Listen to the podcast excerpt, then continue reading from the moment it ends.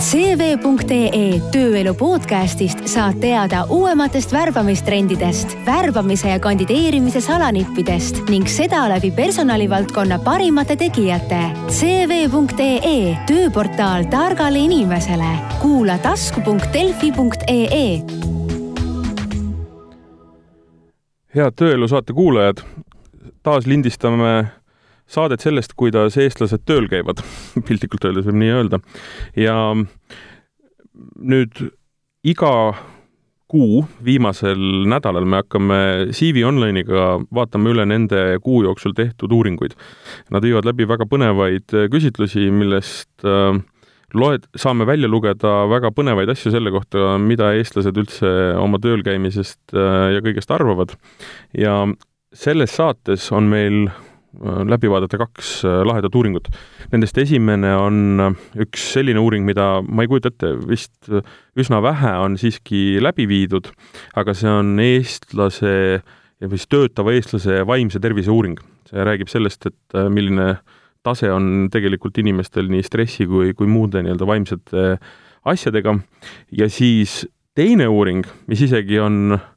noh, kindlasti sama põnev, on, on sellel teemal äh, mis äh, võtab kokku, kui mitmel töökohal eestlane töötab ühe korraga. ja ka seda, et kui mitu, ütleme, ametit äh, on tal oma ettevõtte sees. nii-öelda eestlane üldiselt vist on nii-öelda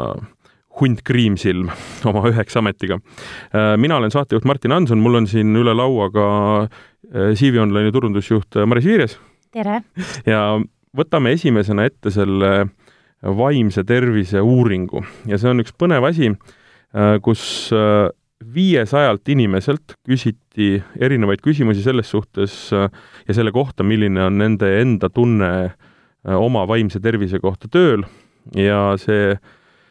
mm, uuring näitab äh, ülipõnevaid äh, nüansse äh,. pool inimestest peavad ikkagi oma vaimset tervist heaks või väga heaks. no pigem on see küsimus vist selles, et äh, küsimus oli, ütleme, ettevõtte üldine kultuur, seal töötamise nii-öelda vaimne kui füüsiline siis pool. et kuidas sa ennast tunned seal, kuidas, kas tool on mõnus ja mugav ja kas et ja, ja et ei toimu mingit terrorit, eks ju. et siis vähemalt pooled inimesed Eestis arvavad või vähemalt töötavad inimesed arvavad, et neil on ettevõttes kõik väga hästi, aga samas ähm, üheksa protsenti hindavad selgelt oma olukorda hetkel halvaks või väga halvaks. ja kui arvestada, et meil on äh,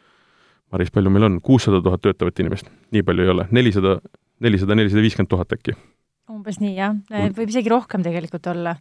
keda me loeme, eks ju, sinna hulka ka ja mis hetkest alates algab juba nii-öelda tööealine elanikkond, et meil hakkavad päris noored juba tööle, eks ju, ja, ja ütleme, eakad inimesed töötavad ka väga kaua, et see, tegelikult see hulk on isegi suurem. nii et kui võtta sellest kümme protsenti, siis see on ikkagi märkimisväärne nii-öelda inimhulk, kes ei pea oma töökohta täna mõistlikuks just selle poole pealt, et neil on ka stress, neil on seal halb töötada, kas seal on mingisugune noh, otseses mõttes kas vaimne terror või, või midagi, eks ju? jaa, no ütleme tõesti see üheksakümmend, üheksa protsenti on üsna leebe protsent, äh, kui siia kõrvale panna nii-öelda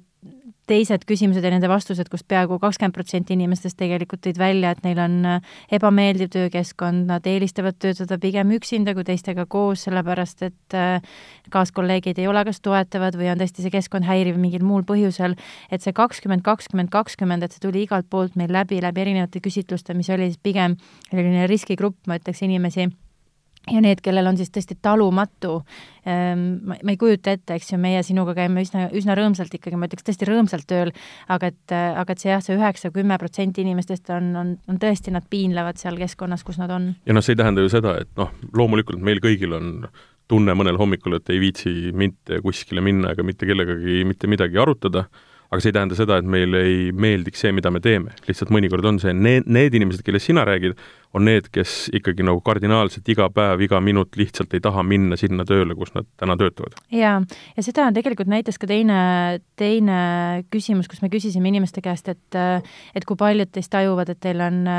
noh, avatud, avatud organisatsioon, kus te saate erinevatel teemadel rääkida, kus juhi uks on teil alati lahti. Ja see oli ainult üheksateist protsenti inimestest, kes ütlesid, et et nende jaoks on see nii, aga ülejäänute jaoks mitte, et jällegi, eks ju, peaaegu kakskümmend protsenti. Ehm, et noh, jällegi, et kui sul on mure, eks ju, kas sa saad kellegi juurde minna, et et kui äh,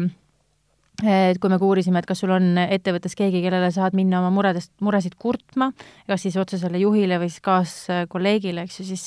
noh, seal me mängime umbes neljakümne protsendi piirides, et et ikkagi inimesed tajuvad, et nad saavad rääkida, aga aga tõesti sõltub, millele me keskendume, eks ju, kas klaas on pooltühi või klaas on pooltäis, et kas me ütleme, et see on positiivne, et kümnest inimesest näiteks noh, ütleme siis kuu, kuus tunneb ennast päris hästi, eks ju, või me keskendume neile neljale ja mõtlemegi, et et kui me läheme iga päev tööle, kus kas või meie väikses tiimis on kahel inimesel halb olla, nad on noh, ja nad väljendavad seda kas oma kehakeelega, oma sõnadega, nad on noh, tõesti, ma ütlen, et, et kui inimene endast väljas, siis sa ju märkad seda, siis kõik on häiritud sellest, et, et sellepärast see tõrvatilk, eks ju, mis seal on selles, selles nii-öelda veeklaasis, et sellega me peaks praegu tegelema. samas siin on noh, kuidas ma ütlen, eestlane ei ole väga inimene, kes äh, läheb oma muret kurtma. mis tähendab seda, et see küsimus äh, ei pruugi olla selles äh, ka ainult kinni, et, et võib-olla, noh, et see inimene, kes tahaks oma muret kurta ja rääkida, et tal ei ole kellegi poole nagu minna, et tal võib-olla on ka tunne, noh, ta lihtsalt on introvert, eks ju. ja teine nüanss muidugi, mis on, on, ja see on nüüd, ütleme, värbamise ütleme, personalipoliitika pool tegelikult äh,, on ju see, et mõned inimesed lihtsalt ei sobi kolleegidega koos töötama või sellesse nii-öelda gruppi. sest et noh, ja see on alati lahe asi, me kõik teame, on selline mäng, eks ju, kolm punkti. me kõik teame ühte kolleegi, kes on väga valjuhäälne. me kõik teame ühte kolleegi, kes äh, sööb laua ääres, on ju. me kõik teame ja nii edasi, võiks ju, ma ei tea, kümme või kakskümmend nagu näidet tuua ja noh, see ei pruugigi olla mingisugune suur, tohutu, võimas äh, probleem, vaid see ongi sellest, et äh, mingi pisikene detail lihtsalt selles kolleegiumis ei sobi aga kui sa sellest ei räägi, siis ei saa ka keegi ju midagi muuta, ja, ja inimesed ei tule sageli ju konfliktide lahendamisega ka toime, eks ju, on inimesed, kes hea meelega sulguvad. ja sulguvad, eks ju, sest ma ise igapäevaselt näen neid olukordi pealt, et kus on inimesed, kes hea meelega vaata, asuvad siis nii-öelda ähm, siis vaidlusesse teise inimesega ja nende jaoks on täiesti normaalne nii-öelda läbi rääkida neid küsimusi, mis iganes siis kedagi häirib või ei häiri, aga on teised, kes natukenegi nii-öelda kuuldes nii-öelda valjemat häält või, või vastuarvamust, lähevad täiesti lukku, eks ju, ja, ja võib-olla see on jah, see, mida sa ütled, on ju, et, et kui nad sulguvad, no olgu, on ju, et me võime seda isegi aktsepteerida, mingi aeg see võib ka toimida, aga kui pikk, kui noh, et nii-öelda varem või hiljem see hakkab kuidagipidi inimese elu ju mõjutama ehm,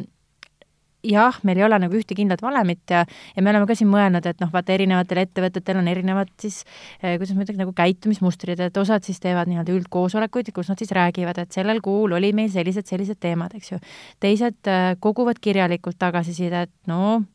väga tore, kui see on üks kord kuus, aga tavapärane, teeme üks kord aastas.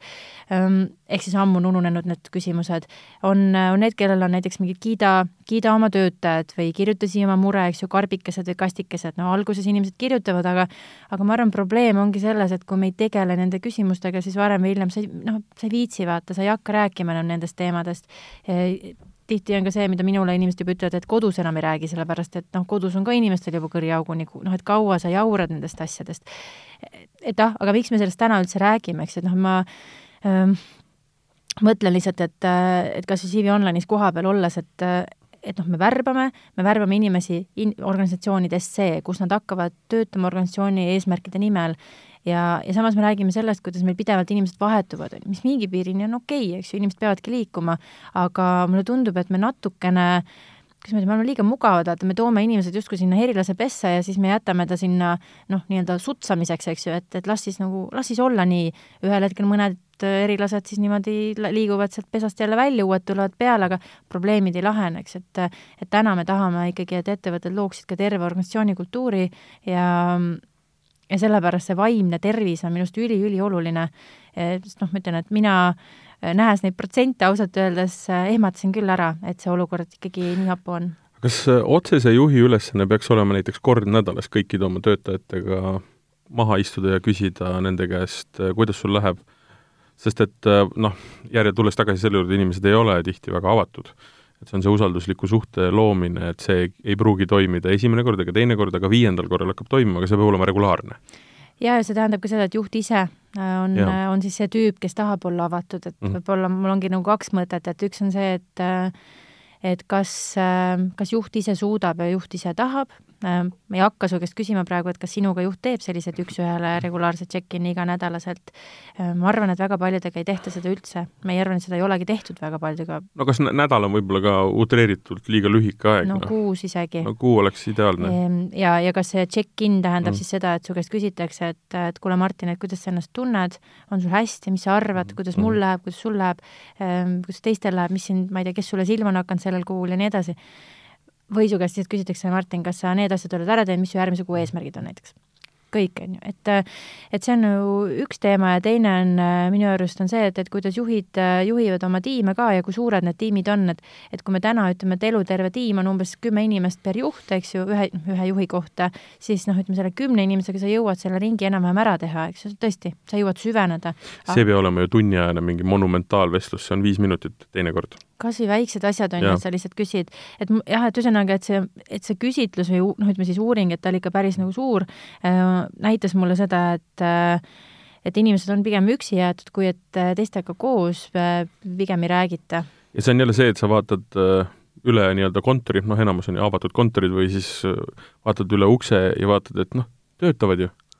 paberid muudkui tulevad ja teemad muudkui vahelduvad ja kõik ütlevad, et hästi ja sa kuidagi ei hakkagi reageerima sellele teistmoodi, on ju. jaa, mul alles hiljuti oli, mul tuli just meelde, et alles hiljuti oli üks, ähm, üks infotehnoloogia ettevõte, kes äh, nii toredasti, no tegelikult see oli murettekitav jagamine, aga jagas minuga siis ühte mõtet, et äh, ütles, et, et tead, Maris, et meil on siin ka avatud organisatsiooni kultuur ja umbes noh, kakskümmend viis inimest, kakskümmend inimest on korraga siis igapäevaselt tööl selles ettevõttes ja et noh, me kogu aeg räägime ka sellest, et noh, ongi, me võime avatult suhelda, aga samas meil on nii-öelda vaikimisi öeldud, et pigem olge natuke vaiksemad siin, et ärge tehke nii palju lärmi. ja just noh, et selle ma veel neelasin alla kuidagi, et noh, et natuke vaiksemalt. aga siis tuli uus inimene tööle, kes ütles kõva häälega just nimelt valjuhäälselt, vaata, kui me räägime sellest, et kes nagu on jõulisemad ka, valjuhäälselt, et kui tema on tööl, siis kõik olgu vait. ja, ja tänu sellele nüüd kõik tipivad nii-öelda vaikselt, eks ju, tasakesi mööda põrandat ja sosistavad ja räägivad ainult Skype'is ja on klapid kogu peas. et noh, et mis avatud äh, organisatsioonist me siin räägime, eks ju, et äh,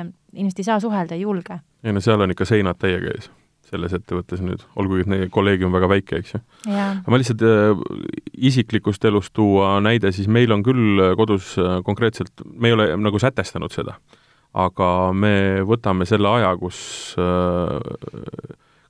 isegi kui need jutud korduvad nädalast nädalasse, päevast päeva, siis on see nii-öelda veerand tundi, kus saab ennast ventileerida ja see on tegelikult äh, minu, minule hästi selgeks saanud, et äh, seal ei ole vaja minul kui kuulajal öelda mitte midagi muud kui mhmh, ja-jah, selge, ja siis üritada anda nõu, mis on nii trafaretne kui trafaretne, eks ju, see on küsimus ventileerimises. inimesel on vaja lihtsalt oma päeva jooksul kogunenud idiootsuse niisugune noh, väli, mida ta on kogenud, lihtsalt nagu kuidagi purustada noh mm., ja selleks ei ole vaja midagi, see on nii-öelda inglise keeles on olemas nii-öelda see sounding, sounding board on selline termin, eks ju et noh, sul ei olegi vaja nagu, nagu noh, me võiks selle saatega teha niimoodi, et sa lihtsalt istud seal, ma lihtsalt räägin ja sa noogutad ja sellest noh, ma räägin ennast kuidagi, kuidagi nagu, nagu puhtaks ja paljaks, eks ju. et ja, ja vastupidi samamoodi, noh, et, et tema kuulab siis mind. noh, loomulikult ma ütlen vahel, et kuule, et kümnes päev järjest ma kuulen nagu sama asja, et aga, aga mitte nagu, mitte nagu ebameeldivalt, vaid just lausega, et noh, et, et kuidas me saame paremaks teha mm. -hmm. mis on see, mida me peaks või sina peaksid tegema, et äh, see asi laheneks, eks ju. sest vaata, inimestel on omane asju lahendada, et mm -hmm. nii, nagu mm -hmm. meie kehad mm -hmm. ennast tervendavad, on ju, haavad paranevad, et, et jah, et inimesel on omane püüda asjadest aru saada ja kuidagi leida seda lahendust, on ju, ja mõnikord ei saagi aru, et see lahendus ei pruugi olla enda sees, vaid see ongi seotud kellegi teisega, on ju. noh, ongi see, kuidas oli see, et kui sa saad asju muuta, siis muuda, on ju, kui ei, siis lahku sellest olukorrast, et et, et aga mis, mis oli positiivne tegelikult selle, selle vaimse tervise küsitluse juures, oli ka see, et et me küsisime ka seda, et kui paljud teist tegelikult siis ventileerivad niimoodi, et kui paljud teist lähevad koju ja lähevad, räägivad pigem siis negatiivselt oma, oma ettevõtte kohta, oma sõpradele, perele ja nii edasi. Eh, ainult eh, kaheksateist protsenti oli tegelikult neid, kes ütlesidki, et jah, et ma räägin. Ehm, noh, ma ei tea, mis mahus see rääkimine on, eks me küsinud, et kas sa räägid eh, õhtu jooksul viisteist minutit, kolmkümmend minutit, tund aega või kaks tundi. või ütled ühe lause tuppa astudes, eks ju. jah, aga, aga jah, et pigem mulle tundub, et ehm, et ollakse, ei räägita halba väga palju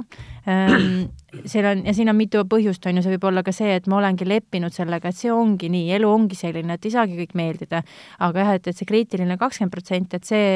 ähm, noh, minu enda küsimus ongi täna ka tööandjatele ja üldse kõigile meie ümber, et et kui palju see kakskümmend protsenti mõjutab tegelikult äh, teisi inimesi ja töö tulemusi ähm,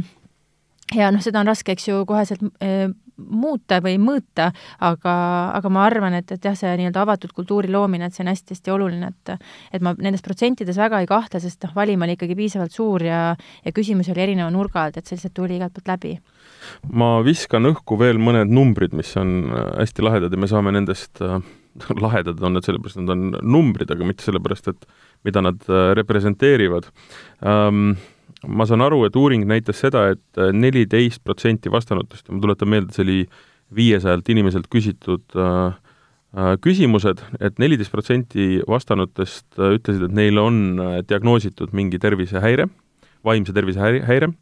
aga samas, kui ma saan aru, siis see inimene või need inimesed, keda kõiki küsiti, keda küsitleti, et kui, kui ne-, ne-, nende käest küsiti, et kui, kui mitu äh, nendest on läinud oma ülemusele rääkima, et neil on äh, vaimse tervisega probleem, stress, mis iganes asjad, on ju, siis see protsent on kolmkümmend üheksa. Jaa, see oli meile ka hämmastav, ma tükk aega vaatasin, kas nad vastavad ikkagi õigesti, et kas nad said aru, et et tõesti see küsimus, äh, need vastused näitasid meile seda, et äh, et on väga suur hulk, eks ju, tõesti siis peaaegu et iga neljas inimene kümnest, kes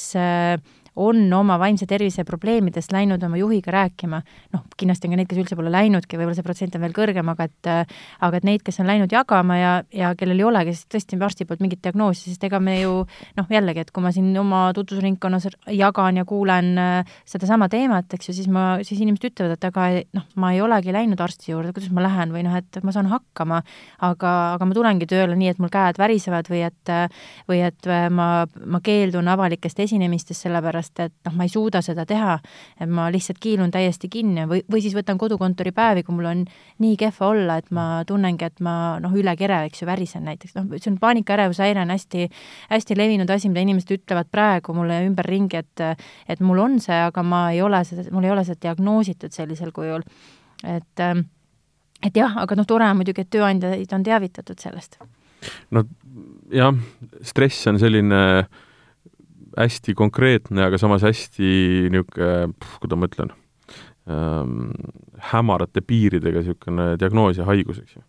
et kust ta tuleb, kust on algus, kus on lõpp, eks ju. et äh, kui ma lähen ülemusega rääkima, et mul on need ja need ja need näho, nähud, eks ju, siis ma panengi kirja, et see on mul vaimse tervise häire, aga et kui ma läheks nagu arsti juurde, no siis peaks ikka midagi tõsist olema mm. -hmm. midagi sellist, mis ikkagi nagu diagnoosiga väärt on mm. -hmm. ma arvan, seal on ka muidugi väga suur osa. miks see, miks need, miks need protsendid nagu erinevad? jah, no mis ma hetkel mõtlen, mida ma ka alles eelmisel nädalal äh, grupi tööandjatega arutasin, oli see, et ähm, et inimlikust aspektist ju kõik toetavad ja kõik saavadki aru ja see ongi murettekitav, kui su meeskonnas on inimesed, kellel on raske teisest küljest on see, et, et kui ei olegi neid selgeid piire, mida teatud olukordades ongi raske tõmmata, eks ju, millega tegu on, on siis see, et et sul on ikkagi kuskil on jällegi ärieesmärgid, sul on kokku lepitud ajaplaanid, sul on kokku lepitud rollid, kes mida teeb, millal teeb, mis ajaks teeb. ja nüüd, kui mingid asjad jäävad tegemata, äh, just nimelt sellel põhjusel, et ma ei tundnud ennast täna hästi või et äh, ma ei maganud täna ennast välja või et, või et ma tunnen, et ma tunnen, et ma kiilun ki-, no mis iganes põhjused, eks ju, on siis tööandjana ja ma tõesti saan tohutult hästi sellest ka aru, on, tööandjana on ju tegelikult äh, tupikseis, mida sa teed. et kui sul reaalselt, eks ju, tulemusi ei tule, on ju, siis tegelikult ju tahad öeldagi, et kuule, et su koht ei ole tegelikult siin või see, või see roll on sulle liiga suur tükk mm aga jah, et, et kui nüüd äh, töötajad ise ka ei räägi nagu avatult, et kui hull see seis on, võib-olla ei tunnista ka endale, kui hull see seis on, siis kuidas me lahendame seda? Et siis me olemegi kogu aeg selles olukorras, kus me, kus me teeme järgmise küsitluse, kus, äh, mida me oleme ka teinud, kus me oleme uurinud, et kui, kui paljud eks tööandjad tunnevad, et nad valinud enda näiteks konkreetsesse rolli vale inimese ja ja nagu see protsent, kellest me, kes mäletab, oli mhm. viiskümmend protsenti, eks ju, kus kus öeldakse, kas kompetentsid ei sobi või väärtused ei sobi. kui suur osa seal nii väärtuste kui kompetentside sees on tegelikult tervislik olukord, me ju ei tea. no aga see oli ka, tegelikult ma ju saate alguses ka seda ütlesin, et tihtilugu on vale inimene vales kohas ja see tekitab probleemi. Ehk et jah, et me oleme erineva nii-öelda äh, vaimse taluvusega, kes on introvert rohkem, kes on ekstrovert äh,, noh, panna meid kõiki nii-öelda kokku ühte punti ongi ülimalt keeruline ja kõigil on oma taju, noh. ma tean, äh, ka minu kolleegide hulgas on väga nii-öelda tundlikke inimesi. ja, ja noh, et noh, päris nii ei ole, et peab nende ümber nii-öelda väga nagu siidkinnastega käima, aga siiski noh, ja samas te, kõrval on noh, inimesed, kes on noh, selgelt sa näed, see nahk on rauast, eks ju. Noh, mina isiklikult äh, ma olen ajakirjanik olnud äh, kahe tuhande, las ma meenutan, kahe tuhande viiendast aastast. mis tähendab seda, et um-, äh, natuke varem, ütleme, saab viisteist aastat. mis tähendab seda, et ma olen näinud ikkagi üsna palju erinevaid rolle ja erinevaid nii-öelda töid, mis tähendab seda, et mul on ikka üsna paks nahk. aga kui õigesse kohta, nagu Achilleuse kand, eks ju on need kohad, kuhu vajutades on ikkagi täiesti hämmastavalt siiamaani veel häirib, eks ju mm. -hmm. et noh, meil kõigil on need asjad ja nüüd panna see täiesti sobimatu punt tegelikult kokku, kellel on erinevad tasemed sajas erinevas asjas, no see tekitabki tahes-tahtmata teatavaid probleeme. aga nüüd jälle on see, et sul peab olema see juht või inimene, kes võtab, kas või psühholoog, ma sain aru, et CV Online'is on psühholoog, kes küll ei anna nii-öelda oma inimestele, ei, ei, ei võta vastu neid, vaid klientidele pakub nagu võimalust et tegelikult see noh, on sama, sama asi nagu, nagu ka kas või ülemusega rääkimine või, või kellegagi nagu, mas-, massöör käib ju paljudes ettevõtetes meil samamoodi aga tegelikult psühholoogi ei käi, et noh, et, et õlad teeme korda, sest et me istume ja kirjutame kogu aeg, aga tegelikult vaimse poolega ei tegeleta. see on hästi oluline jah, ja ma hetkel, kusjuures hea, et sa juttu praegu tegid, me just hetkel testime kusjuures äh, täiesti uut äh, noh, ma ütleks, et teenust või tööriista, mis ongi mis, mis baseerub erinevatel isik-, nii-öelda baseerub erinevate isiksuse tüüpide äh, analüüsimisel, ehk siis võetakse kokku terve tiim, kõik inimesed, tehakse nendega siis nii-öelda selline isiksuse test, pannakse see nii-öelda tiimina kokku ja, ja siis vaadatakse, kas, kas on tiimi tasakaal, millised rollid on äh, ülekaalus, alakaalus, äh, kuidas neid, kuidas neid omavahel sobituma panna ja kuidas omavahel suheldavad, seesama, nagu sa ütledki, et et sina oled paksu nahaga, on ju, põhimõtteliselt ma võin sulle väga otse asju öelda, aga teine inimene on väga õrnakene ja ma pean väga arvestama, kuidas ma talle tagasisidet annan. et, ähm, et seda me hetkel jah, testime kusjuures. ja mis on veel üks huvitav asi, ma tahtsin seda siia tuua, on see, et kuidas mis, mis on ju nüüd tegelikult täna võib-olla, ei, on ikka, täna on ka ikkagi sügav probleem juba äh,, mitte probleem, aga ütleme, tekkiv selline olukord, kus ähm, me ju suhtleme ülipalju mitteverbaalselt. ehk et äh, meil on Skype, meil on Whatsappid, meil on Viberid, meil on noh, sada erinevat kanalit, mida me kasutame äh, igapäevaselt suhtlemiseks. Ma arvan, et me suhtleme, ütleme, kümne aasta taguse ajaga igapäevaselt kümme, kakskümmend korda rohkem või ütleme, kahekümnekordselt nende inimestega, kellega kümme aastat tagasi aga me kohtume näost näkku väga väheseid. nii, ja kuhu ma tahan jõuda, on nüüd see, et äh, kui sina kirjutad mulle lause mõnesse sellesse kanalisse, siis on nüüd minu nii-öelda puhtalt minu mõistuse vili, mis konnotatsiooni ma sellele annan, mis tunde, mis nii-öelda emotsiooni, mis äh, väärtuse ma sellele annan. ja vaata, nüüd tekib see küsimus, et mina võin kirjutada täiesti ilmeksimatult noh, täiesti neutraalse lause, aga mul on kiire ma vajutan selle lihtsalt sinna sisse ja ma lähen ja unustan selle. nüüd inimene, kes selle lause vastu saab, hakkab istuma ja mõtlema ja mõtlebki ennast äh, täiesti nagu kas vihaseks, kurvaks, stressi, sellepärast et ta ei saa aru, mida ma mõtlesin sellega. ma ei mõtle mitte midagi, ma tahtsin lihtsalt öelda, et jaa, tegeleme homme või tegeleme küsida. siis ja ta ei küsi. ja, ja, ja siis ongi niimoodi, et on täielik nii-öelda tõlkes kaduma läinud olukord. ja, see on probleem, sest et, sest et, sest et need on kanalid, kus me kogu aeg äh, nagu suhtleme, sest et me istume üle laua, ma saan sinu miimikast, sinu kehakeelest, asjadest aru, kas sa oled äh, pahane, tige, kas sa tahad mulle haiget teha, kas sa tahad mind kiita, noh, ma saan ju sellest aru. seal on null, mis tähendab seda, et minu iga lause võib tähendada mida iganes, on ju see on ja ma ise puutun sellega väga palju kokku, ma arvan, et varsti me peamegi tegema need ree-, vaata, kuidas on, reeglistik või põhimõtted, eks ju. läbi on vaja rääkida see, kuidas sa mõistad seda, mida ütleb inimene nii-öelda äh, Äh, kanalis, kus sa nägu ei näe, eks mm. -hmm. no meie oma tiimis võin jagada, kuidas me tegime, see oli väga lõbus tegemine, et, äh, et me tegime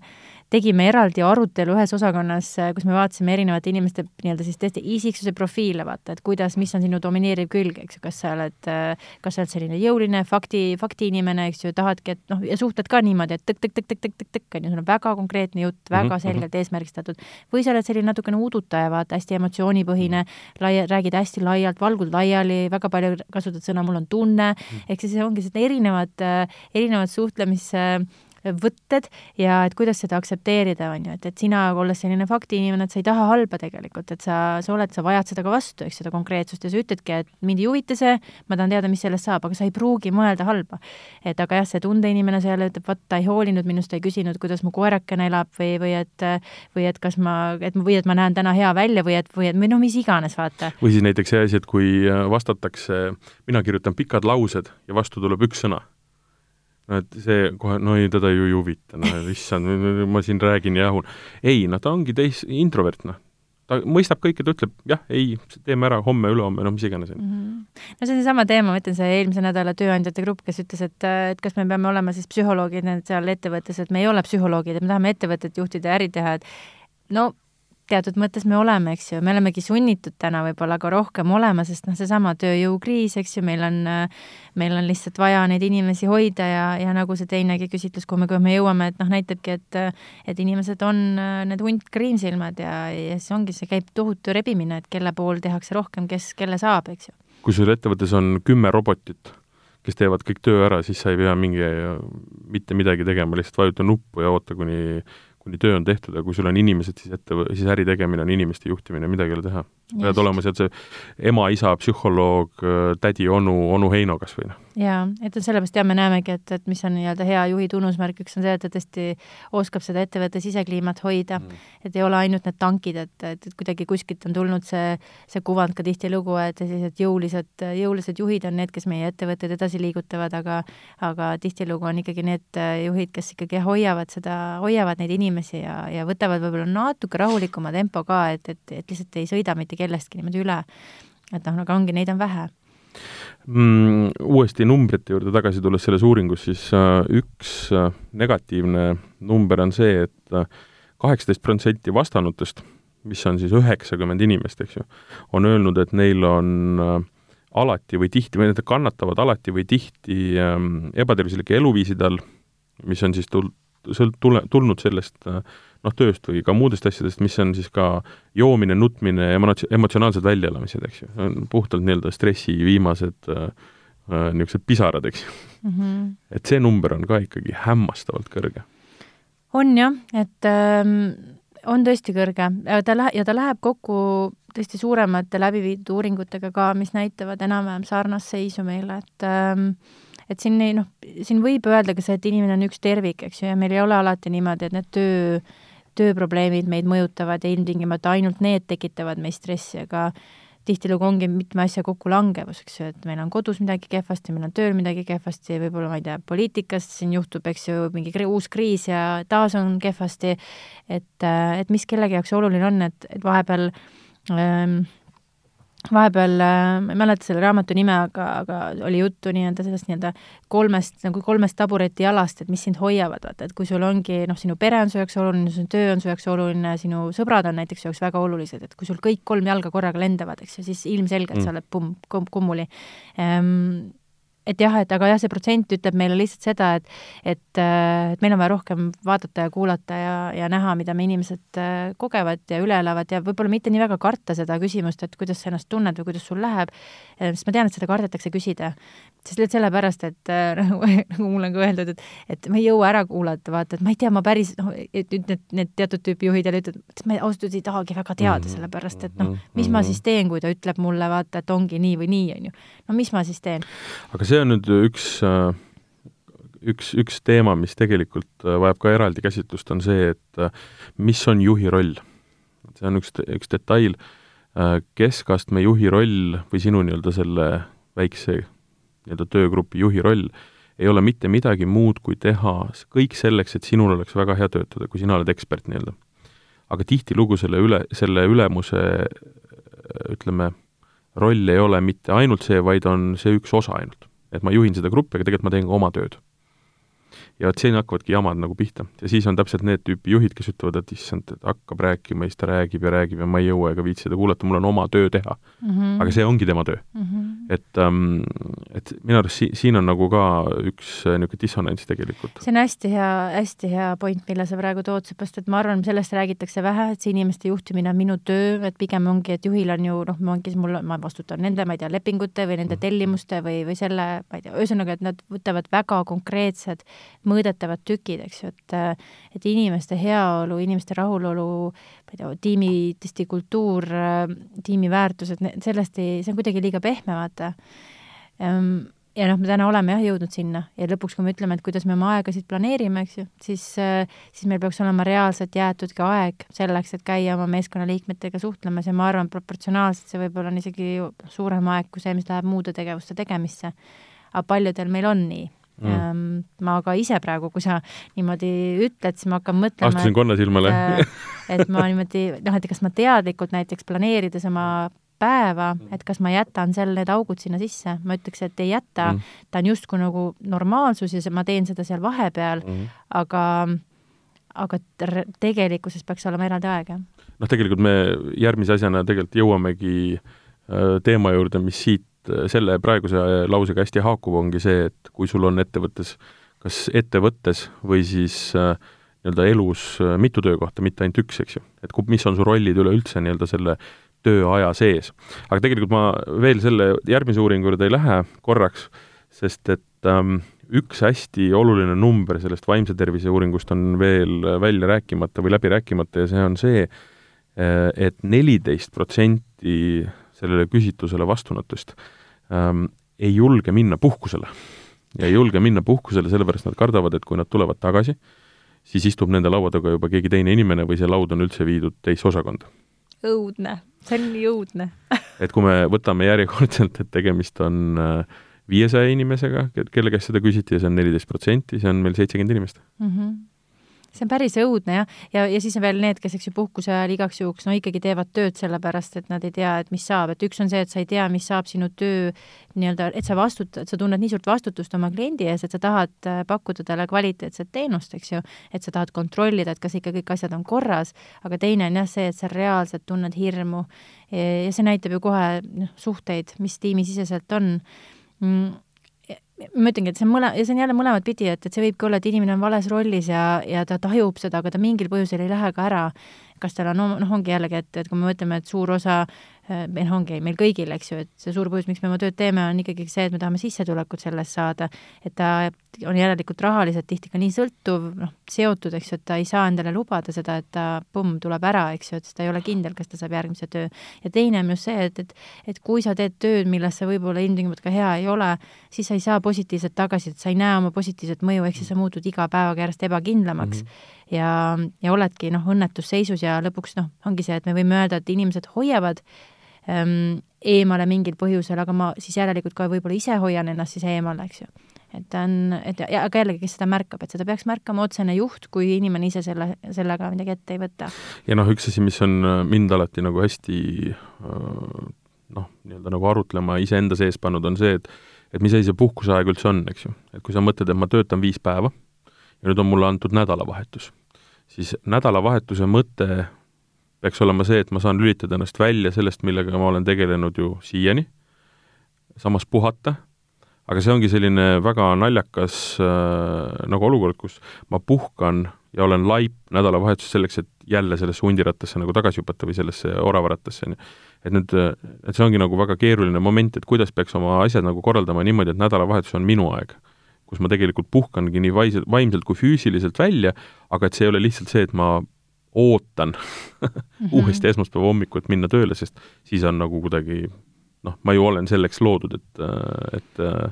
et, et tööl käia. et siin on ju seesama lause, et mis on, mis on erinevus näiteks eestlaste ja prantslaste vahel, eks ju. et me töötame selleks, et, et süüa ja elada, eks ju, nemad elavad selleks, et süüa mm. -hmm. mulle hästi meeldib äh, meeldib see mõte, mis on ka osadelt juhtidelt tulnud, et, et me peaksime äh, mõtlema nii, et mõtlemine on ka töö, vaata, et näiteks see pausi võtmine on ka töö, et noh, kui ma ütlen, et täna ma lähen tööle, mul on kaheksa tundi, et siis selle aja sees mul ongi arvestatud nii-öelda see white space, eks ju, või, või noh, et lihtsalt, et ma reaalselt mõtlen, et ahah, Ehm, et ma nüüd lähen teen tiiru ümber kvartali, eks ju, see võtab näiteks kolmkümmend minutit, aga see on ka mu töö osa, sest ma lähen ja lihtsalt tuulutan oma pead ja siis lähen jälle fokusseerin, eks ju, mingile teemale. aga noh, jällegi ilma küsitlust tegemata, et kui kergekäeline, kergekäeliselt inimesed võtavad seda aega, vaata et noh, ma isegi teades, et see on äh, kindlasti ülimalt efektiivne, ei tee seda, sest justkui nagu noh, ei jõuagi selle peale mõelda, et ma nüüd lähen võtan oma mm -hmm. seda white space'i, vaata, ei. Aga peaks, noh, sest tõesti, muidu on, on see laiba tunne nädalavahetusel lõpetame ikkagi positiivselt selle ja, uuringu. Äh, ma tahtsin öelda seda et, et kuuskümmend seitse protsenti inimestest, äh, kes vastasid, ütlevad, et nad ikkagi puhkuse ajal saavad ilusti ennast äh, välja puhata ja ei pea mõtlema tööasjadele. ja nagu ma alguses ka mainisin, siis pooled tegelikult või noh, rohkem kui pooled on nagu oma vaimse tervise poolega ja üldse nagu ettevõtte nagu tervisliku poolega üsna noh, rahul või, või ütleme, et nad peavad seda mõistlikuks ja, ja saavad nagu ei, ei, ei, nagu, nagu täna öeldakse, et ei tööta ennast surnuks mm. -hmm. ja no ma ütlen, et ideaalselt, kui sa, ideaalselt nagunii inimesed pigem ei pane kunagi, sellepärast et alati on see tunne, et ju saab veel paremini, nii et see keskmine, see, et meil nii-öelda kesk, keskmine hulk inimesi või siis ütleme tõesti, pooled inimestest on pigem rahul arvavad, et kõik on okei okay,, inimeste vaimne tervis on okei okay,, füüsiline tervis on okei okay,, juht on enam-vähem okei okay,, on inimesi, kellele rääkida, on ju, et see on, noh, ongi, see on positiivne, sellele tasub keskenduda, see loob positiivset juurde, eks ju, et, et praegu me oleme jah, võtnud hästi seda luubi alla neid, kellel on raske, aga aga ma arvan, et, et me lihtsalt hakkame läbi selle tõstma ka teisi, kui me keskendume nendele headele asjadele. aga mis sa arvad, kui peaks nii-öelda mingisugust äh, õpetust ka andma, et mis need ikkagi on, äh, need ütleme, ma ei tea, üks-kaks-kolm asja, mida peaks ja mida saab tegelikult noh, üsna siva teha ära oma kollektiivi, oma kollektiivis, et ütleme, see tervis nii füüsilise, noh, füüsilisega on selles mõttes võib-olla lihtsam, et et annad inimestele aega, ma ei tea, sporti teha, ma ei tea, on mingid, ma ei kujutagi ette, noh, noh, suitsetajad niikuinii lähevad õue ja jalutavad palju, aga noh, ühesõnaga, et et füüsilisega on võib-olla noh, arusaamine lihtsam, kuidas sellega tegeleda, aga aga just selle vaimse poolega, et kuidas mm -hmm. seda kohe ja kiiresti parandada? no ma arvan, et sind et... psühhiaatri rolli või psühholoogi rolli no puhtalt enda kogemuse pealt ma ütleks, et et otsustage, et te räägite sellest teemast, et see on oluline teie ettevõtte jaoks, et te räägite. kui te kuulete, märkate, palun rääkige. teine on see, et et mitte lihtsalt rääkige üldiselt, vaid kui on konkreetsed situatsioonid, siis tegeleda, tegelege sellega noh, nii-öelda esimesel võimalusel. ehk siis ärge jätke inimesi üksinda, ärge jätke inimesi marineerima, et, et, et need protsessid lähevad muidu venima vaimse tervise koha pealt ähm, no jah, võib pakkuda kõikvõimalikke hüvesid, eks ju, inimestele, aga selleks peab küsima vajadusi, et tasubki siis küsida inimeste käest, et mida te siis vajate, et nii-öelda tiimi vajaduste kaardistamine, et meil on tiimi tervise töögrupp, kus me tegeleme näiteks selliste asjadega, et soovitaks seda siis kõigil äh, nii-öelda sisse viia, see ei ole raske, see on vabatahtlikkuse alusel ja ja jällegi need entusiastid on igas ettevõttes, kes ütlevad, et mina tahan seda vedada, eks ju, et andke seda rolli mm,. ja ja tõesti need, kes on väga, väga nii-öelda kibedas, valusas seisus, noh, siis personalijuhid, tegevjuhid, et et ärge siis oodake, ärge venitage, sest noh, see mõttelaad, vaata, et noh, las ta kuidagi olla või et ärme praegu sellega tegeleda, las ta taastub. ärme torgi või? ärme torgi mm. või noh, et tal on raske, aga see passiivne ignorants, et see on, see on veel hullem, need inimesed tunnevad ennast veel üksikuna, kumana sel-, tänu sellele, eks ju. et ikkagi kohene reageerimine, kutsuge abi väljast sisse ka, et, et ei tasu karta neid psühholooge ja coach'e, et on ägedad inimesed. Äh, teine uuring, mis ka siin äh, viimase kuu jooksul äh, CV Online'i poolt läbi sai viidud, on tegelikult selline uuring, mis näitab noh, kätte, kui palju inimesed tegelikult erinevatel ametikohtadel töötavad ja see on nüüd selline pull asi, et ühelt poolt võib see olla hästi positiivne, teiselt poolt võib see olla seesama stressiallikas ja seesama probleemi, ütleme, algus, millest me just nagu rääkimise lõpetasime, eks. ja seitsesada inimest neile esitati küsimus põhimõtteliselt, küll noh, mitte üks küsimus, aga rohkem küsimusi, eks ju, aga äh, fundamentaalne või rebu oli see, et mitmel töökohal te korraga töötate. ma saan aru, et mõte oli see, et saada teada, kui paljudel erinevatel töökohtadel töötavad, mitte ainult see, et mitu ametit neil või mitu nagu äh, positsioonil on ühes ettevõttes, eks ju. seda me ei küsinud jah, et me tahtsimegi teada, et mitu tööandjat, äh, noh, ühesõnaga, et kui palju on neid tööandjaid, kes noh, nii-öelda, kes siis mulle maksa, palga maksavad? maksavad palka sulle, jah. Ja see uuring näitas seda, et äh, suisa nelikümmend kolm protsenti inimestest äh, ütlesid, et nende sissetulek tuleb mitmelt äh, firmalt või mitmest nii-öelda kohast. See on hämmastavalt kõrge jah, ma, ma, võib-olla esimene reaktsioon, mis meil tekkis endal uuringu tulemusi vaadates, et oi, et et see tähendab ju, et meie ettevõttes on ka neid inimesi nii palju. Aga samas nüüd ütleme, see, see protsent tegelikult on kõik okei okay ja lihtsalt üks number iseenesest, noh, inimene võib tegeleda saja asjaga, eks ju. Kasvatab orhideesid või on looma, noh, ütleme oma, ma ei tea, mis iganes töö kõrvalt on nagu koeratreener, eks ju. aga siiski, nüüd on see koht, kus nelikümmend üks protsenti nendest, kes töötavad mitme koha peal, eks ju,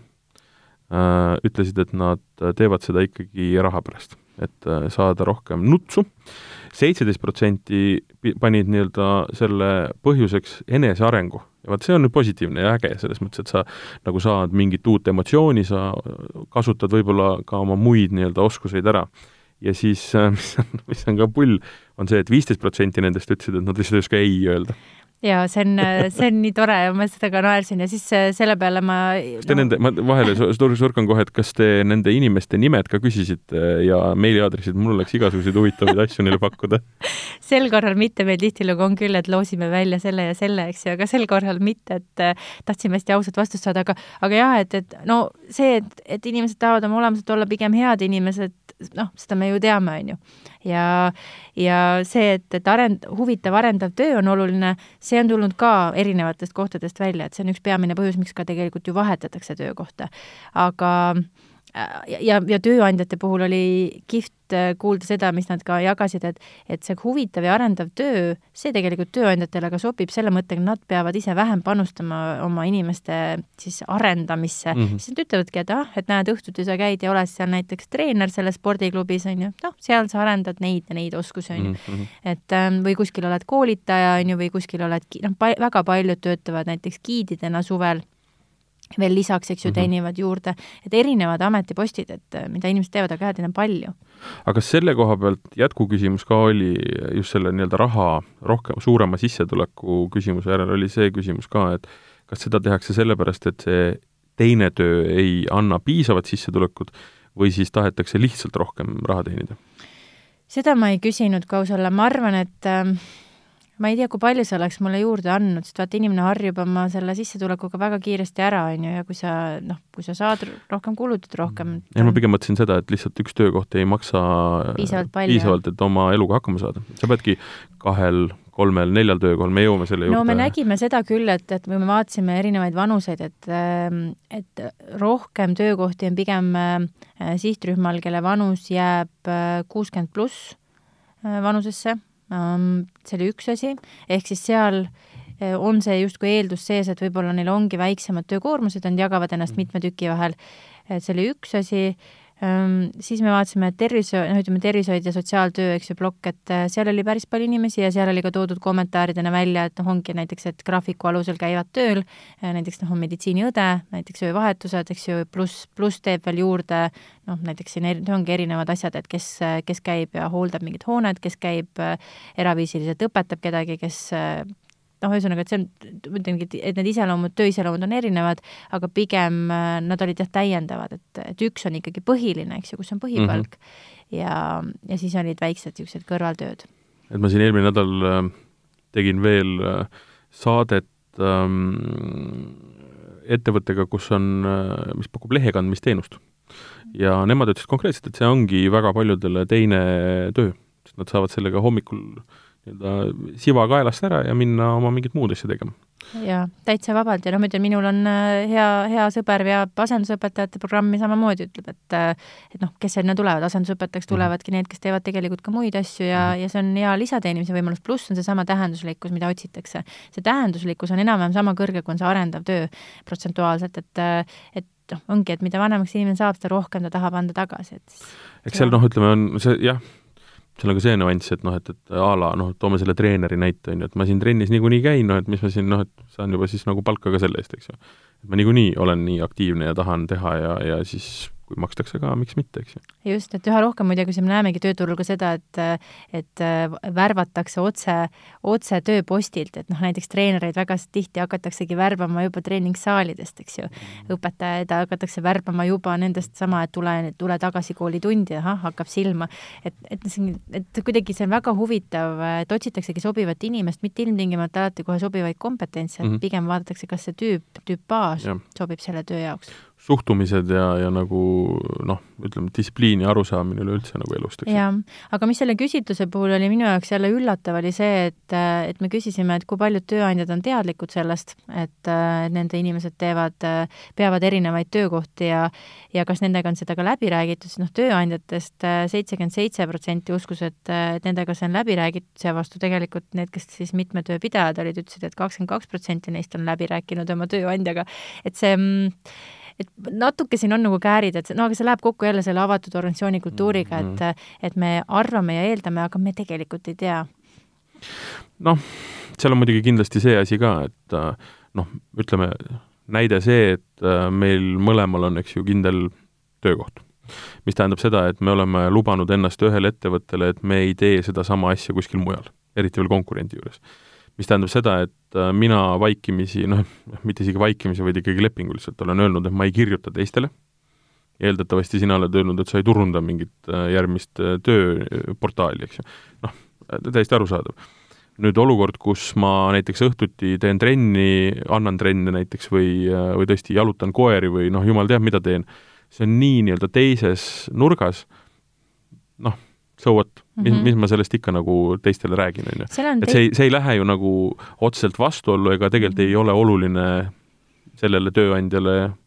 kes võib-olla põhi minu palga maksab. see on, see on ka tõsi jah, see on justkui nagu minu hobi ka, eks ju, poolenisti. ja siit ma, kui ma, minuga küsimus, et kas see peaks olema üldse nendel ettevõtetel teada mm, -hmm. millega ma tegelen oma vabal ajal. sest nemad on minu käest ostnud kaheksa tundi. see, see võib-olla on rohkem siis küsimus, kui tööandja näeb, vaata, et mis ongi üks murekoht, mis tööandjatel on olnud, on ju, et ta näeb, et inimene ei suuda fokusseerida, üritab aru saada, miks ta on nii väsinud, miks ta proovib kogu aeg,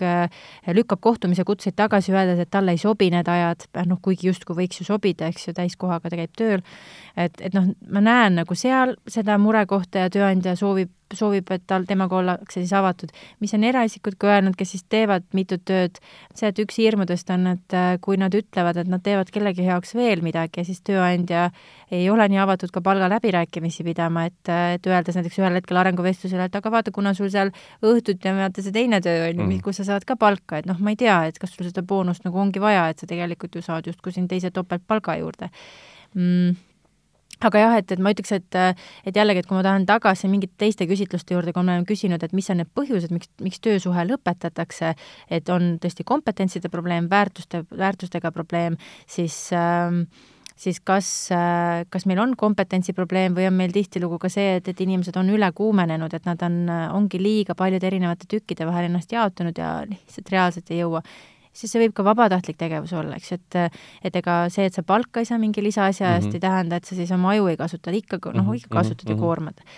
mm,. aga jah. no see on arusaadav jah, et kui ta hakkab segama ja selgelt sa oma põhiasjadega ei saa hakkama, siis ei, no siis on loomulik küsimus, või seesama asi tõesti, et sa ajaliselt haakuvad, siis loomulikult tuleb läbi rääkida. no üldiselt mina olen ka selle poolt, et et kõik asjad enam-vähem, mis on omavahel nagu sõltuvad või, või ühest teisest noh, hakkavad kuidagi äh, noh, kas mõjutama või on, on mingisuguses suhtes, tuleks ikkagi nagu läbi rääkida, et see tegelikult ei võta ju mingit nagu tüki küljest. pluss äh, noh, seal tekib ka see olukord, kus äh, tihtilugu me ei loe nii detailselt mingisuguseid äh, lepinguid ega ka oma võib-olla mingit ettevõtte sise-eeskirju läbi, et et võib-olla saabki selgemaks, et noh, et ongi mingisugune dissonants, et ma ei tohigi teha seda. või noh, eeldatakse, et ma ei tee seda. või, ja siis on võimalik läbi rääkida mingid teatavad tingimused, eks ju, et noh mm -hmm., et see on ava-, noh, avatus selles mõttes on alati mõistlikum aga see on ka noh, alati mingi piirini. jaa, aga, aga jah, on näha, et Eestis üha rohkem tulevad need tööampsud, et inimesed tahavad teha väikseid tükke ja, ja olla paindlikumad ja ja see on okei okay., ma arvangi, et, et me ei pea muretsema nii palju selle pärast, et üks inimene teeb kogu töö ära, et me, me võime ju jagada häid inimesi ja, ja hetkel ongi see, noh, mulle meeldib mõelda nagu testimise periood, et, et me testimegi tegelikult uut lähenemist, iga aastaga see hulk meil kasvab, kes, kes jagavad ennast, eks ju, et saab siis näha, kuhu see meid lõpuks viib. Ja, ja, ja kuidas see sunnib ikkagi tööandjat muutuma, äh, sest äh, tööandja ju muutub täna. ta, noh, ma mõtlen, ma naeran, et, et see on normaalsus täna, et inimene ütleb, et mul on siin veel muid projekte. see on täiesti normaalne, et, et või tähendab, tööotsija ütleb, et mm -hmm. mul on mhm. siin muid projekte, eks ju, samal ajal või või et mul on siin broneeritud see ja see reis, et aga ära muretse, et ma teen kaugtöö korras seda, et et ma siin päeva esimeses pooles käin seal Liivas rannas ja suplen seal ookeanis, no võib-olla ta nii detailselt ei räägi, eks ju, mida päeva esimeses pooles teeb, aga aga põhimõtteliselt on see, et, et ta see on normaalsus, et ma ütlengi, et ma lähen sinna, mul on nüüd see Itaalia reis, aga et ma pool aega siis äh, teen tööd ja pool aega tegelen muude asjadega, aga ma noh, ma olen ju pärast efektiivsem. tööandja noogutab nii, nagu sina praegu noogutad ja ütleb, no olgu, olgu, olgu, et noh. no see kõik läheb muidugi mitte noh, see on ainult usaldus. ja, ja, ja see sõltub ainult sellest. aga mm, ei noh, ütleme nii, et ähm, Äh, mitmel kohal töötamise juures on ka veel see asi ju, et äh, äh, on olemas kaks sõna, mis ei ole üks ja sama, on, on üksindus ja üksildus, eks ju. ja see tähendab ka seda, et ähm, sa võid töötada samamoodi, nagu me enne siin rääkisime, ma ei tea, kahe-kolmekümne inimesega ühes ruumis äh,, aga kõigil on kõrvaklapid peas, kõik klõbistavad ja sa tegelikult ei räägi mitte kellegagi. mis tähendab seda, et äh, sul, sa oled nagu suures grupis koos, sa näed ja tunned, et inimesed hingavad su ümber, aga sa tegelikult oled täiesti üksi seal. mis tähendab seda, et sa tihtilugu tahad, miks, miks on erinevad grupitegevused, miks on mingid, mingid ringid, eks ju, ma ei tea, ongi see, et noh, sa tahad suhelda kellegagi. nüüd, kui selle, sellist nagu palka ka veel makstakse, noh jumala eest, see on ju nagu topeltvõit Mm -hmm. et äh, kui me räägime nendest samadest nagu tööampsudest või siis teisest töökohast, et äh, need põhjused on ju äärmiselt nagu erinevad mm. -hmm on jah, ja ma noh, mina näen ka seda, et ettevõtted üha rohkem loovad enda organisatsiooni sisse selliseid erinevaid, äh, kas ma ütlekski nagu mis iganes algatusi, eks ju, siin viimane Instari uuring ka näitas, et kuidas üha enam hindavad äh, inimesed äh, oma organisatsiooni keskkonnateadlikkust näiteks, et äh, vaadatakse sellistele asjadele otsa tõesti, milliseid nõusid me kasutame, milliseid kahvleid ja nuge, kas viskame papptopsikuid ära või kas me, ühesõnaga, et et äh, millist seebi me kasutame, eks ju, millega me põrandaid peseme, aknaid hooldame. Ähm, see on, kui see on oluline teema, siis inimene pigem seob selle teemaga enda oma organisatsioonis, kui et võib-olla liitub mõne teise organisatsiooniga väljaspool seda organisatsiooni, mis tegeleb sellega. Noh, eks seda noh, püütakse pakkuda, ma mõtlengi, et täna on nii kihvt näha, kuidas ollakse nii avatud õppimisele ja katsetamisele, et et lihtsalt mõista, et ja, ja tööandja tööandja üha rohkem saab teadlikuks, eks ju, mida töö, tema töötaja siis ka mõtleb, et sellepärast on jah oluline küsida, et mida keegi mõtleb. võib-olla jah, hirm on lihtsalt saada need vastused kätte ja tunda, et et mis ma nüüd sellega peale hakkan ja kas ma üldse jaksan ja kas mul on eelarvet, et üldse midagi teha, vaata, sest pigem ongi harjutud sellele, et me fokusseerime oma ärile ja ja niisugust tilu-lilu me näiteks ei tee, eks ju, et ei ole oluline. Aga see on oluline. aga kas ettevõtted ähm, ütlesid ka seda, et äh, mis on nende suhtumine üldse sellesse, kui inimene töötab äh, mitme koha peal. miks ma seda küsin, on see, et äh, noh, andagi või äkki nõu, et tulge nii-öelda kapist välja mõlemalt poolelt. et öelge oma inimestele, et see on okei okay.. noh, mingi piirini lepime mingid reeglid kokku ja et need inimesed, kes kellegi juures töötavad, mingu ja rääkigu, et meil on ka, siin on ka teised asjad, millega me tegeleme ja, ja ka sealt natukene teenime lisaraha või, või, või samamoodi ka vabatahtlikkuse töö mm. -hmm et ega väga palju sellest ka ju ei räägita, kui palju inimesed tegelikult kas teevad või ei tee mingit vabatahtlikku tööd mm. -hmm, ei räägita, jah. no ütleme nii, üldiselt tööandjad, ma ütleks nagu pool ja pool, et, et pooled olid positiivselt meelestatud ja pooled äh, pigem nii-öelda natukene häires, häires jällegi, et positiivne on kindlasti see, et, et nad näevad, et need inimesed on ise rahulolevamad äh,, neil on äh,, neil on sisemine selline, ma ei tea, ütleme siis drive, eks ju, mis neid äh, sunnib liikuma nad noh, alustavad ise uute mõtetega, on ju, teevad ägedaid ettepanekuid, pluss ongi see enesearengu pool, et äh, näha on, et inimesed siis läbi selle kasvavad. noh, negatiivse poolena ütleks, et noh, sõltubki, et kui suures mahus see inimene ikkagi seda tööd teeb, on ju, mis tal seal kõrval on. et kui, kui need ampsud on väikesed, noh, siis ei ole ju üldse probleemi, nagu ma ütlengi, et et samamoodi võiks ju öelda paljud inimesed, kellel on kodus lapsed, et see on mul ka täiskohaga töö ja tegelikult ju ongi, on ju, et sa lähed koju ja siis sa lased veel nagu sinna kella viiest kella kümneni, no olgu päris täiskohti võib-olla ei ole, on ju, aga aga noh, sisuliselt on, et sa lased veel mitu tundi, eks ju, oled täiesti rakkes. Ehm, et siis võiks öelda ka, et me eelistame siis neid inimesi, kellel lapsi pole, sellepärast et muidu nad tulevad tööle, et nad on nii väsinud. Mm. aga me ei tee seda, on ju, me ütlemegi, et see ei ole ju okei okay.. et selles mõttes äh, pigem jah, ma ütlengi, et on pos-, ollakse positiivsed, miks ma kasutan jah, sõna sellised, sõna aktsepteerivad, on see, et, et seal ei ole nagu emotsiooni vaata küljes, et, et tööandja nagu justkui nagu noh, mitte, mitte ei lase ka pead nurgu, aga noh, nii on, vaata, et ongi, et noh, mm-hmm. see lihtsalt, see on see olukord täna, et inimesed tahavad niimoodi teha ja, ja proovime siis hakkama saada aga jah, niisugust nagu lausnegatiivsust ma ütlekski, et need, kus oli, kus noh, tööandjad ka kirjutasid, et kus on näha, et on sama suure koormusega teine töö kõrval, on öövahetused, näiteks käib päevaga tööl ja siis teeb veel öövahetusi kuskil teise tööandja jaoks, et noh, ta tulebki tööle, ta on tegelikult laip väsinud või ta on pidevalt haige ja siis tööandja noh, uuribki vaata, et noh, milles siis asi on aga et äh, see sõltub jah nende omavahelistest suhetest ka, et ja ongi need palgatingimused ja kõik muud, et see, sul on, ma ütlen, õiged küsimused ähm,, lihtsalt ma arvan, et väga paljud asjad on äh, nii-öelda näide näite haaval mm -hmm. ja, ja väga paljudest asjadest ei juleta rääkida ka, kuidas päriselt asjad on. no see uuring kindlasti näitab äh, ka nendele tööandjatele, kes seda loevad nüüd, kätte seda, et tegelikult see on täiesti nii, nii käitutakse. See on ja, täiesti reaalne nii-öelda olukord, et mõttetu on hakata kellegi vastu võitlema, et ja noh, kui me oleme siin ka sinuga ju varasemates saadetes rääkinud nii-öelda sellest uh, uuest generatsioonist, siis noh kui sa neile lähed rääkima, et sa ei saa õhtul minna, ma ei tea, mingit rulatrenni andma, siis nad saadavad su kuu peale kohe ja ilmu järgmine päev tööle, eks ju. jaa, ja võib-olla, mis on nagu vahva, on see, et kui tööandjad päriselt nüüd küsiksid oma inimeste käest, et kui palju teil on veel äh, teisi tööotsi mm -hmm. ja mõtleksid mm, -hmm. et kuidas nad saavad seda konkreetset annet no, kasutada ära. jaa, sest noh, mina näiteks nüüd oma ettevõttest ka kuulen, eks ju, no ma ütlen, et kes on, kes on tegelikult, äh, ongi noh, ongi psühholoog, meil võib olla karjäärinõustaja, tegelikult on psühholoog, kes on veel lisaks mingeid tõesti erinevaid, annab erinevaid trenne, eks siis reaalselt saaks tegelikult meil meeskonnas ka trenne anda, kes on näiteks äh, samal ajal ka no tasuline jumestaja, eks ju, käib, äh, käib ja teeb, kes teeb soenguid, et ühesõnaga, see on erinevad asjad, millega keegi seotud on ja see on väga vahva, kes korraldab matkasid, näiteks üks on giid, et noh, saad aru, jällegi, et kui sa mõtled, et vahva oleks ju oma meeskonnaga minna näiteks kuskile ekskursioonile vanalinna, võib-olla isegi ei mäleta, mis, kus, mis hoone millega seotud täpselt oli ajalooliselt, et ongi, teeb sulle tuuri, eks ju, tervele tiimile. et ja, ja nüüd, kui me siit sellest sinu lausest lausest lähen sinna eelmise uuringu juurde, siis äh, nüüd, kui ma saan nii-öelda tööandjana või ka kolleegiumi liikmena teada kõigest sellest, see ju lähendab inimesi. sa ju tunned seda inimest nüüd paremini, sa tead, millega ta tegeleb oma vabal ajal, mis, kuhu ta kiirustab kolmapäeval, on ju, kaks minutit enne tööaja lõppu, sest ta peab jõudma, ma ei tea, sealt ja sealt läbi käia, et jõuda kolmandasse kohta, eks ju. ja, ja lisaks sellele see hakkab tekitama inimestele ikkagi värve juurde, ta ei ole lihtsalt üks nii-öelda lihtsalt äh, keha, kes mingeid asju teeb, on ju, noh,